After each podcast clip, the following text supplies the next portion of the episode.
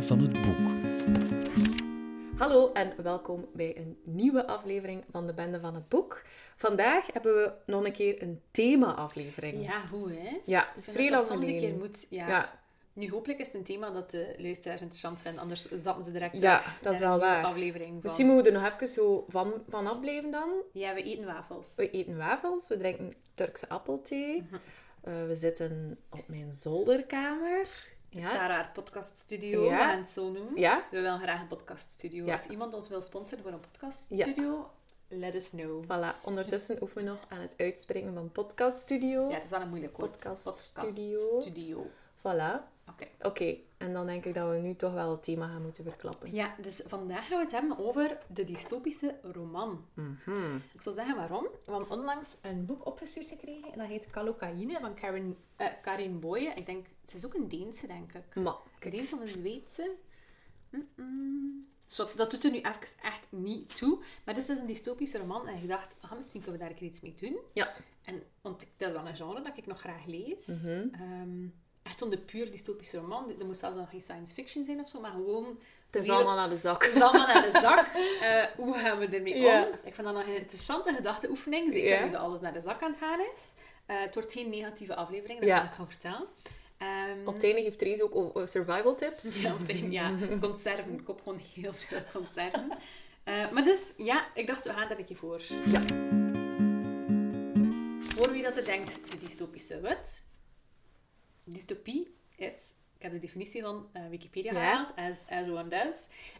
En, dystopie is een denkbeeldige samenleving, denkbeeldig tussen haakjes, ehm, met louter akelige kenmerken waarin men beslist niet zou willen leven. Een dystopie is daarmee het tegenovergestelde van een utopie, die juist een bijzonder aangename eh, samenleving voorstelt. Het is een vaak terugkerend onderwerp in fictie. De auteur biedt daarmee een beeld van de toekomst zoals die er volgens hem of haar uit zou kunnen zien onder bepaalde omstandigheden of politieke regimes. En of probeert mensen te waarschuwen tegen het door hem geschetste beeld. Ja. Dat vat het wel goed Ik samen. vind dat ook. Ja. Ja, zoals ik al zei, je hebt dystopische romans die ook zo naar de science fiction gaan, of zo naar de fantasy gaan. Ja, het ligt met de vampieren en weerwolven en al. Ja. Ehm, ik heb het ook wel een keer gehad over The Day of the Triffids van John Wyndham, waarin Ja. dat iedereen blind wordt en dat er vleesetende planten zijn. Die heb ik vandaag niet mee. Vandaag ben ik echt een beetje gegaan voor romans die waar zouden kunnen zijn. Ja. Oké. Waarmee dat ik niet bedoel dat er niet plots allemaal vleesetende planten kunnen zijn die ons gaan opeten, maar het is minder waarschijnlijk. Mhm. Ehm, dus de, de boeken waar ik het vandaag over zou hebben, zijn echt boeken over mensen die nog zijn zoals dat wij zijn. Ja, Dus geen aliens en ja, geen Ja. mutaties en al, maar het zou like, gewoon kunnen gebeuren. Ja. Oké. Wat pees je? Ja. Go. Met, hè, omdat het toch de aanleiding is. Ja. En dat is een eh, roman uit 1940 van de Zweedse. Het is een Zweedse romanschrijver Kar- Karin Boye. Karin Boye. Ja, ik denk dat het zoiets Zo moet zoiets, ja, Ja, sorry, Zweeds is echt niet zo goed. En het is eigenlijk een heel saaie toekomst. Dat denk ik zijn een heel saai boek. Nee, het is geen saai boek. Het is zeker geen saai boek, maar Ah, het is een beetje een saaie toekomst. Omdat alles is like, zodanig geregeld. Het is echt een beetje like in 1984, dus alles is geregeld. Iedereen staat gewoon op om te gaan werken. En dan s'avonds kijken ze een beetje propaganda op tv of whatever. En dan gaan ze gaan slapen. Iedereen wordt heel hard gecontroleerd. Ehm, dat je zeker niets doet dat buiten de norm valt. Ja. Dus ze, ze zijn dan wel getrouwd, maar iedereen moet elkaar ook in de gaten houden. Ehm, een beetje Stasi-achtig. En het is eigenlijk aan die mensen een heel saai leven. Ze hebben ook nul connectie met de natuur, want ze wonen in een soort van grote steden die voor een, een vrij groot deel ondergrond zijn ook, omdat dat Oké. veiliger is. Want er is een vijand, maar je daar ook zo nooit van, oké, is er nu eigenlijk echt een vijand? Of zeggen ze dat gewoon om de mensen onder de, Ja. onder de knoet te houden? Ehm, en ons hoofdpersonage is de chemicus. Ze wonen in de chemische stad. Dus dat wil zeggen dat ze daar... In die stad is iedereen chemicus of werken ze voor de chemicussen. Eh, er wordt niets anders gedaan in die stad dan chemie. Nu, ik moet zeggen, ik had daar in 48 voor in het zesde middelbaar, dus dat is sowieso wel niet mijn ding. Dus dat lijkt me vrij saai. Ehm, maar dus het hoofdpersonage is Leo Kal. Kal, Kallocaïne. Aha. En die ehm, eh, ontwikkelt een waarheidsserum. Ja. Dus als mensen dat ingespoten krijgen, dan zeggen ze de waarheid. Eh, je moet ze zelfs geen vragen stellen. Ze beginnen gewoon spontaan te vertalen. Like alles waarvan dat ze denken, oeh shit, dat mag ik niet zeggen. Beginnen ze gewoon te vertalen. Ze zien er wel vrij gelukkig uit op dat moment, maar ze lijkt totaal ontspannen zijn. Ah ja, het zal Dus wel. pak nu dat je ehm, een plan hebt om de overheid omver te werpen en eh, auto's af te schaffen en like, bioboerderijen te maken overal. Maar dat mag niet. En ik zou je dan die kallocaïne Ja. inspuiten. Dan zou hij iets zeggen van, ja, maar mijn grote droom is echt aan de overheid omver te werpen en overal bioboerderijen te starten. En dan zou ik zeggen, aha, ik wist het. Ja. En dan stuur ik je naar de gevangenis. Nou ja, dat lijkt me wel een handig middel in zulke samenlevingen. Inderdaad, maar Ja. tegelijk, als je dat ontdekt, zou je toch zoiets hebben van, oei, maar dat is eigenlijk mega dangerous. Ja. Maar ons hoofdpersonage is echt zo, en dat is misschien een beetje anders dan in de meeste dystopische romans. Ons hoofdpersonage is geen rebel. Hij is mega volgzaam en is zo gebrainwashed door die maatschappij, Ja. dat hij zoiets heeft van, amai, ik heb nu iets uitgevonden en dat gaat helpen en like, alle, ehm, alle slechtere en, en mensen met een eigen mening eruit te halen, zodat we Ja. gelukkig zijn en onderdrukt. Ja. je denkt dat niet letterlijk, hè, maar die is echt, het is echt een partijsoldaat Ja. die dat doet. Ehm, en je moet samenwerken, dus hij heeft dat dan ontwikkeld. Die toont het aan zijn chef. Zijn chef is vrot content dat er iemand is die zo flink ehm, de partijlijn volgt en andere mensen wil verraden en al. En je moet eh, dan samenwerken met eh, iemand die zo juist boven hem staat. Ik ben zijn naam even vergeten. Maar dat doet er niet zo toe. Maar die persoon die juist boven hem staat, is zo'n beetje anders. Die is zo wel geïnteresseerd in mensen ook. En die zoekt zo wel wat verbinding, want mijn hoofdpersonage is ook niet echt verbinding. Die is ook getrouwd, maar het is ook niet dat zo goed gaat. Die is zoiets van, we gaan wel samenleven tot de kinderen groot zijn en dan scheiden en dan met iemand anders trouwen, want je moet like wel getrouwd zijn. Het is een beetje in de lobster. Nee. Anyway, maar dus de andere personage is zo iemand die echt ja, verbinding aangaat met mensen die... ehm, Beetje diep hangend leven. ja, die heeft echt zo meer diep hang. Ja. En die, die stelt daar ook wel vragen bij. En het is niet dat hij, dat hij subversief is of zo. Je zegt niet van, oh ja, dat is een slecht idee, Leo. Maar zo van, ah ja, en...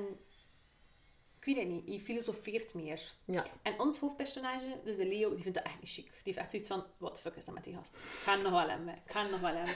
en die zoekt like, heel dit manieren om hem zo wat... eh, ja, De loef af te steken. de of loef af zo. te steken. Te verraden? niet letterlijk, maar zo wel zo... Je denkt zo van... Zou goed zijn moest hij zo zichzelf gewoon verraden. Ah, ja, ja, ja. Ja. En die denkt dan ook op een bepaald moment dat hij, dus dat die een ander, waarvan ik de naam dus ongelukkigerwijs vergeten ben, dat hij ook iets heeft met zijn vrouw. Terwijl hij zelf like, niet meer echt betrokken is bij zijn vrouw, maar hij vindt het dan wel niet chic dat iemand anders iets hebben met Ah, zijn vrouw, want ja, zo gaat dat dan. En dus het is echt een heel coole roman, in die zin dat er niet echt zo van die vrije emoties en gevoelens in zitten. Maar het is wel een gedachte-experiment van, oh wauw, ja, wat zou er gebeuren? Ja. als er een waarheidsserum is. Ja.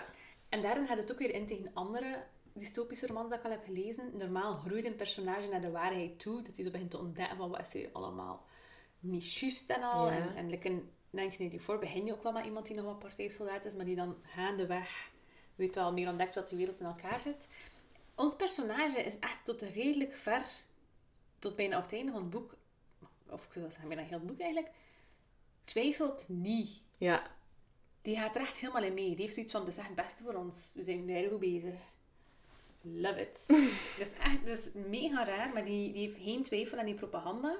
Wat dat ergens wel handig is natuurlijk. Allee, het is, dat lijkt me wel makkelijk. Ja, voilà. Ehm, en dan op het einde, ik ga niet zeggen dat er op het einde gebeurt, maar dan gebeurt er wel iets waarbij je denkt van, wat was er nu allemaal waar van die propaganda? Ja. Eh, maar wel echt, het is wel echt goed gedaan. Het zit goed in Ja. elkaar. Ja. En het is ook leuk dat het een keer een beetje anders is. Het is zo niet van, ah, en als hoofdpersonage is de held. En, Ja, ja, ja, ja. en die gelooft niet in al die propaganda. onderuit. Die zegt Ja, slim voor. Nee, eigenlijk helpt dit systeem keihard. eh, door gewoon te helpen om alle rebellen eruit te halen. Ja. Oké. Nee, het klinkt wel echt... eh, Ja, het is echt een goed boek.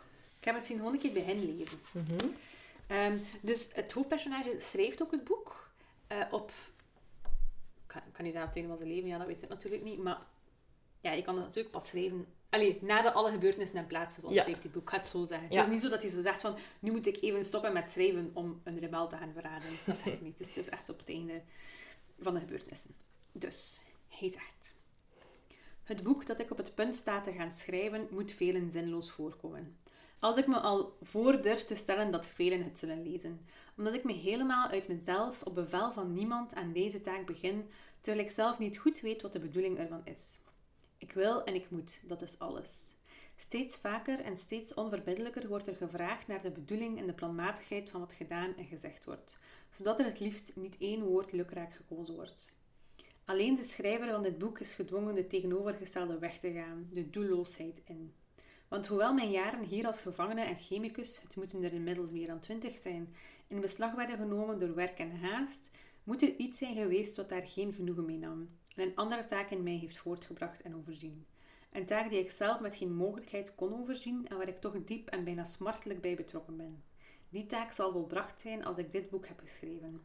Ik besef dus hoezeer mijn inspanningen in strijd moeten lijken met het rationele en praktische denken, maar ik schrijf even goed. Dus dan heb je zoiets van, hoe mag je ze gevangenen en waarom? Ja. En, maar dus daarover ga ik nog iets verklappen. Ik verklap ook niet, want het is echt het begin van het boek.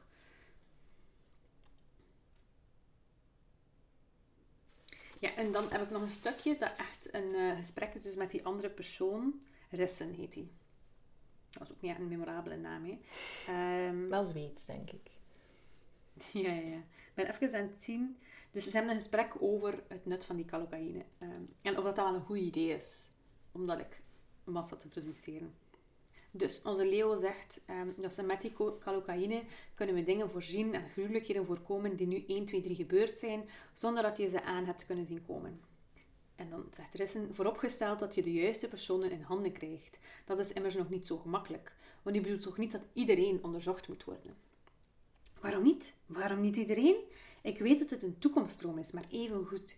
Ik voorzie een tijd waarin alle benoemingen voor posities vooraf worden gegaan, vooraf worden gegaan door een kalocaïne-onderzoek. Even vanzelfsprekend als ze nu vooraf worden gegaan door de gewone psychotechnische onderzoeken. Op die manier wordt niet alleen de vakbekwaamheid van de betrokkenen, maar ook zijn of haar waarde als medesoldaat officieel bekend. Ik zou zelfs kunnen fantaseren over een verplicht jaarlijks kalocaïne-onderzoek voor elke medesoldaat. Ja, dus dat is wel een beetje scary. Ja, Ja, en ook een beetje naïef, want je zult altijd wel een keer iets denken, zeker, dat ingaat Ja, in je inderdaad. overste of zo. ja, ja, ja, ja. Want waar ze het eerst over hadden, ging het erover van, ja, kun je mensen arresteren voor iets dat ze nog niet gedaan hebben. Maar wel al Ja. gedacht hebben. Ja, Maar ja, hoe als je dat uit je zon begint, ja. dan er niet veel meer over schieten. Maar dus, interessant boek. Ja. Ik denk dat er een paar classics zijn dat veel mensen al hebben gelezen. Ik denk, een grote classic is natuurlijk 1984 van George Mhm. Orwell. Eh, over hoe dat de wereld er zou kunnen uitzien in 1984. Het is al even geleden dat ik hem nog heb gelezen. Maar ons, eh, we zitten ook in een dictatuur. Ehm, en iedereen wordt ook constant in de gaten gehouden. Dus dat is heel gelijkaardig hieraan. Ehm je wordt bijvoorbeeld in de gaten gehouden door de televisie. Dat weet ik wel nog. Dat de Ja. televisie tegen je praat. En iedereen werkt ook in fabrieken. Er is veel armoede. En vooral ook, er is geen ruimte voor eigenheid. En dat is ook een beetje like in kalocaïne. Je hebt geen ruimte voor je eigen expressie, om iets te doen. Of zelfs om relaties aan te gaan die niet zijn goedgekeurd door het regime. Ja. Dus onze, ons hoofdpersonage in 1984, Winston Smith, ja, het vindt plaats in Engeland, in Londen. Ehm, en hij bent zo langzaam te rebelleren daartegen. Hij heeft zoiets van, oké, maar waarom moet ik hier gymnastiek doen als jullie zeggen dat ik moet gymnastiek doen en het werk doen dat jullie zeggen? En vooral ook, hij, hij begint zo'n relatie met een meisje, maar dat mag eigenlijk ook helemaal niet. En hij probeert te rebelleren. Maar het gaat er ook over dat je eigenlijk alleen niet zoveel kunt doen. Mhm. Want ja, je zit, maar één iemand en uiteindelijk is het systeem is zo sterk dat je daar gewoon niet tegenin kunt gaan. En dat is... Ja, dat is gewoon heel bleek. Het is echt zo van, oké, dat is jammer. Ik, er zit ook een scène in met ratten, weet ik nog. En Ja. sindsdien ben ik daar like, bang van. het is echt zo... Omdat ze, ze, ze kruipen ook echt in je hoofd, weet je wel? Het is, het is niet gewoon van, je mocht dit niet, je mocht dat niet. Maar het is ook echt heel... Een soort van psychologische terreur dat hij daar ondergaat. Dat iedereen daar ondergaat. Ehm, ik zag mijn exemplaar van worden, maar dan bleek dat ik dat niet had. ik denk dat ik het ooit in de biep heb gelezen. De tijd dat ik nog naar de biep ging. Ehm, maar dat, komt, dat boek komt ook echt vooruit. ehm, George Orwell was heel ehm, geëngageerd. Die Ja. was ook een journalist geweest. Die, en die zag wat er allemaal gebeurde in die totalitaire staten in de Sovjet en al. En die dacht van, oh my god, wat- hoe zou dat zijn als dat hier gebeurt? En zeker ook in combinatie met moderne technologie. Van. Want Ja. dus dat boek is geschreven in 48 het gaat over 1984, dan heeft hij zoiets van, oké, wat kan er allemaal veranderd zijn en hoe zou dat eruit zien? Ja. Het gaat ook heel hard over manipulatie van de media. Eh, want als je daar zo nu op teruggeeft, denk je van, ja. Mhm. Maar dus ja, ook wel logisch, in 1948 werd er ook al media ge- gemanipuleerd. Maar bijvoorbeeld het nieuws verandert constant en de geschiedenis verandert eigenlijk ook constant. Dan wordt bijvoorbeeld... Eerst zijn ze in oorlog met iemand, maar dan plotseling zijn ze niet meer in oorlog, maar dan wordt daar ook nooit meer over gepraat. Dan wordt er gedaan dat ze altijd al um, vriendschappelijk omgegaan zijn met die andere natie. Oké. Allemaal van die dingen. Dus echt Ja. een beetje geschiedvervalsing gebeurt heel hard. Ehm, dus het is gewoon een wereld waarin dat niets en niemand te betrouwen is. Je kunt niet je medemensen betrouwen, je kunt niet betrouwen wat er gezegd wordt over het verleden. En op duur kun je ook jezelf niet meer vertrouwen. Dat ze zo hard in je hoofd kruipen. Dus dat is al een van de klassiekers in uh, het dystopische genre. Ik denk dat veel mensen die waarschijnlijk ook al gelezen hebben. Het is ook waarvan dat de term Big Brother komt, omdat die tv... Allee, dat heet zo wat de grote broer is, dat zo, die is zo wat de... Ja, de leider, maar het is ook nooit helemaal duidelijk van, is dat echt iemand of niet? Maar er stond er bijvoorbeeld allemaal posters van Big Brother is watching you. Is dat? Die, dat komt daarvan? Ja, ja, dat komt echt daarvan. Um, dus, en het is inderdaad, niemand ziet je ooit. Dus je weet niet van, bestaat je nu echt of niet? Is dat nu een... Uh, ja, meer zo iets om... Een Zoals logo eigenlijk. Ja, iets om je onder, de, onder de duim te houden. Um, dus ja, dat komt al daarvan. Dus dat is zeker een heel invloedrijk, een heel invloedrijk boek geweest. Mm Dus allee, als je denkt van, ik wil een keer dystopisch genre proberen, zie je een aanrader, gaat er misschien yeah. depressief van worden.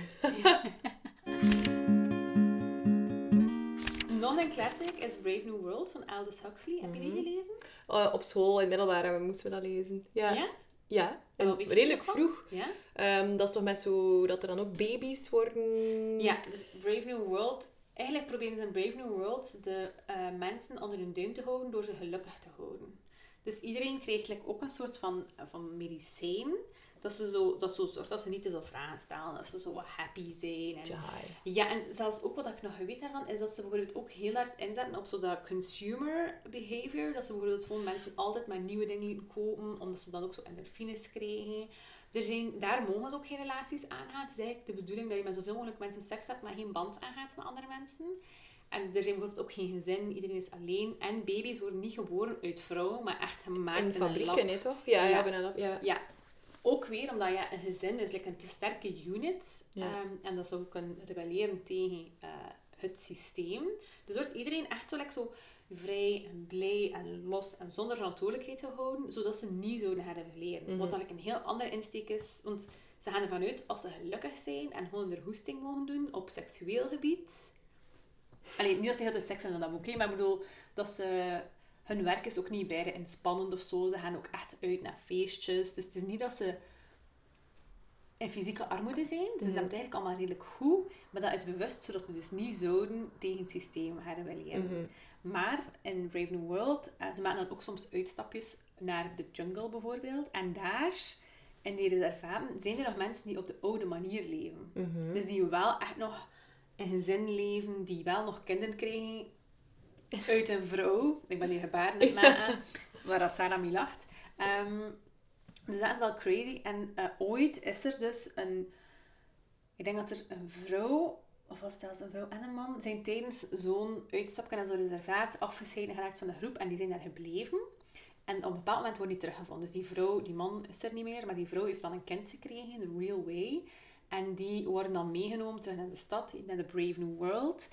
En, uh, maar die kunnen daar echt niet meer aarden. Die stellen allemaal van die kritische vragen. Al zijn van, hoe maar jullie hebben geen verbinding met elkaar. Like, hoe gaat dat mm. dan? En ze proberen die zo like, te overtuigen van hun nieuwe manier van zijn. Die vrolijk is en blij. En weet wel, we doen allemaal een beetje onze zin. Maar doordat die jonge, dat die, vooral die jonge man zoveel vragen stelt... Beginnen andere mensen ook zo... Like, ons hoofdpersonage is iemand die daar los van staat. Die begint ook zo te denken van... Ah ja, oké, maar ja, dat is eigenlijk wel waar. En wat doen we hier eigenlijk allemaal? En dat lijkt me wel mooi om like, zo echt een band te hebben met iemand. Dus die begint dan zowel dingen in vraag te stellen. Mhm. Ik ga niet zeggen hoe dat afloopt, maar ik vond dat ook...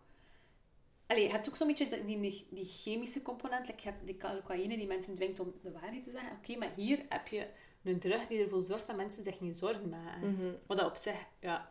Like, een sympathieke idee is. Tof is. tof om je geen zorgen te maken, maar ook het wordt wel gebruikt om mensen te onderdrukken. Ja. Wat dat heel gek is. Ja. En zij zorgen ook niet net een deel van uw vrijheid en een deel van de rijkdom van uw leven. Mhm. dus.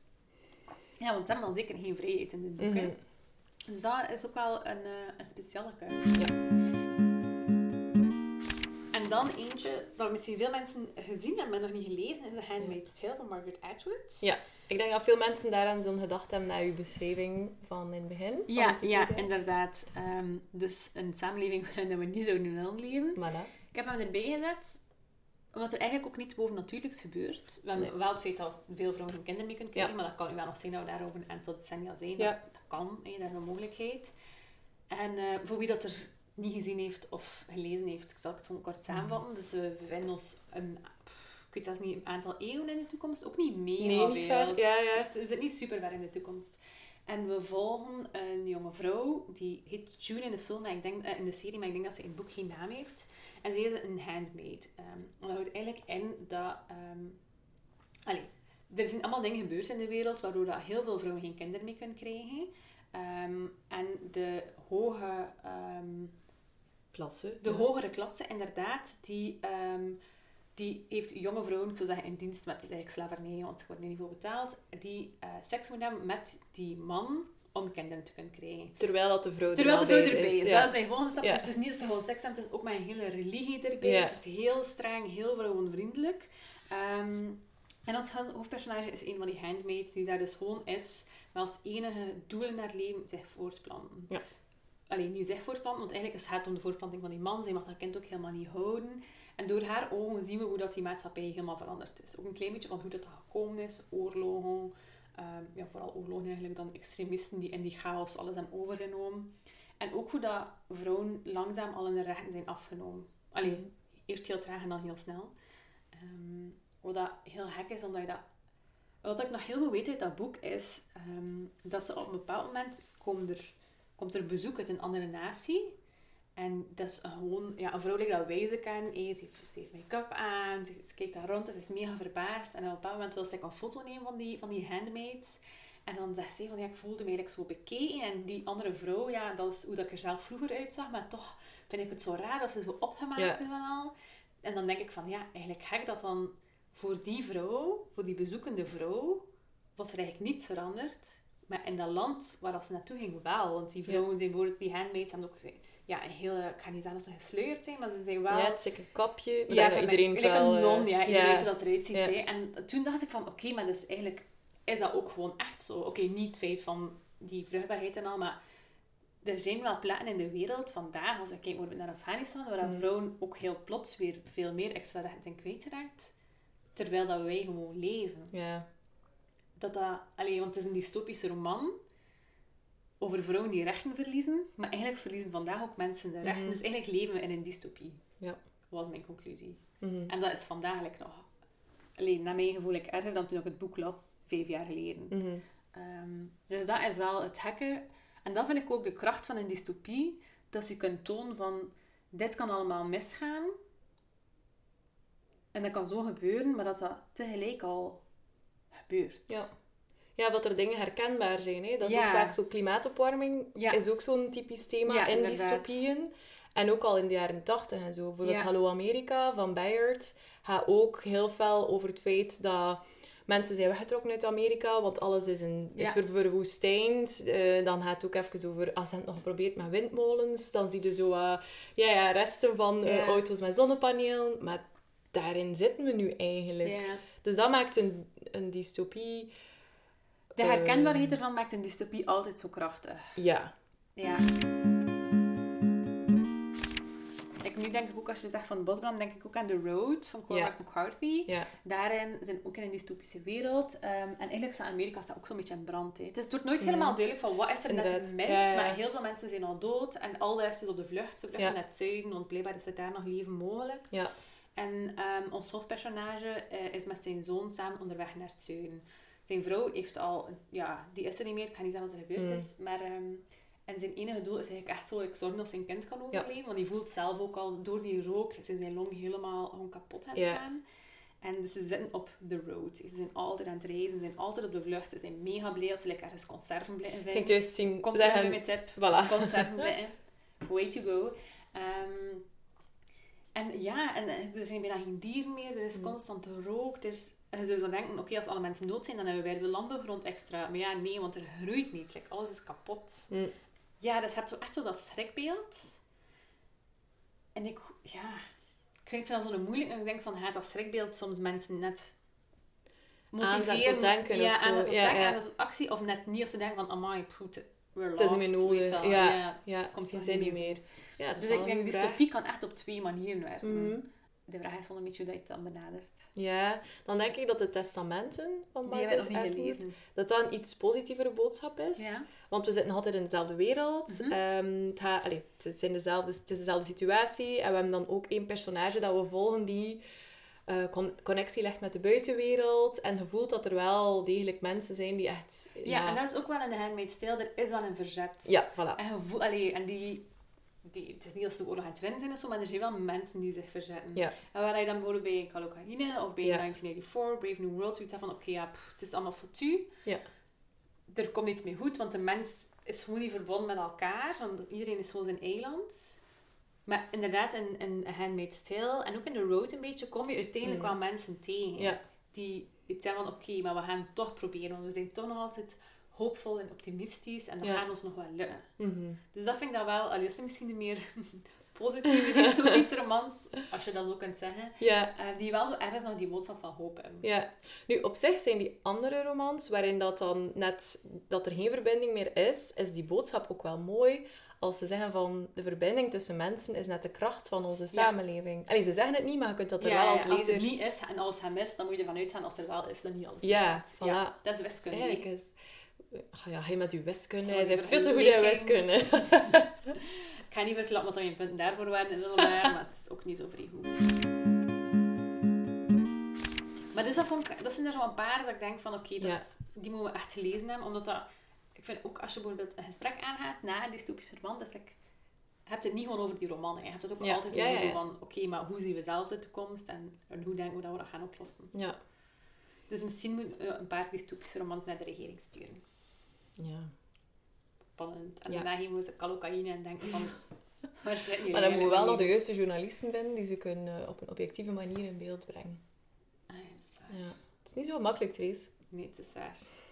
Ehm, nee, ja. Dus ik dacht, misschien is het interessant om het daar een keer over te hebben. Ja, voilà. Dat waren al vrij veel tips eigenlijk. Ja, ik denk dat het er een zestal waren. Ja. Eh, ik dacht ook nog aan, maar die past hier niet helemaal aan, aan de Memory Police. Ja. Maar daar heb je natuurlijk weer zo dat half bovennatuurlijke, dat we zo nooit helemaal goed weten van waardoor verdwijnen die dingen. Ja. De mensen in hun hoofd. Dus dat weet ik, allee, het is niet meer puur dystopie, denk ik dan. Maar ik weet ook niet wat dat dan wel is. Ja, Dus het wordt in het midden gelaten. Hè. Op Ja, zich zou het ook kunnen dat er mensen worden ingezet om al die dingen gewoon te vernietigen. Hè. Maar waarom verdwijnt het dan in hun hoofd? Omdat ze bang zijn. Want ik denk dat angst echt wel mensen dingen kan laten doen dat je zelf nu op dit moment zou denken dat dat niet kan.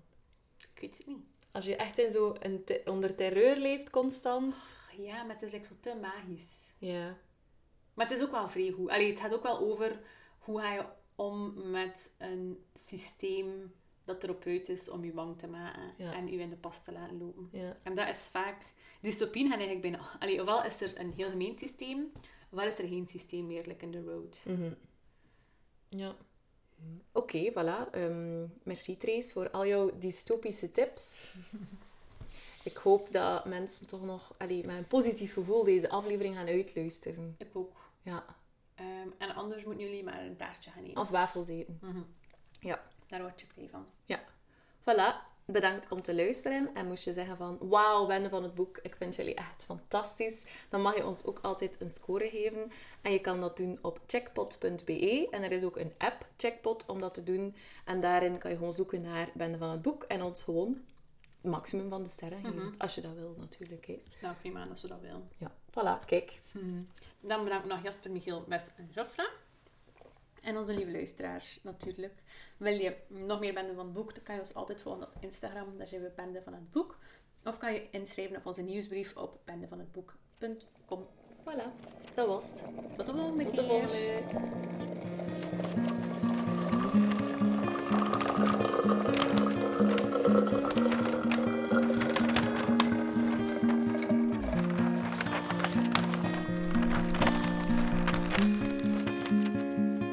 Van het boek.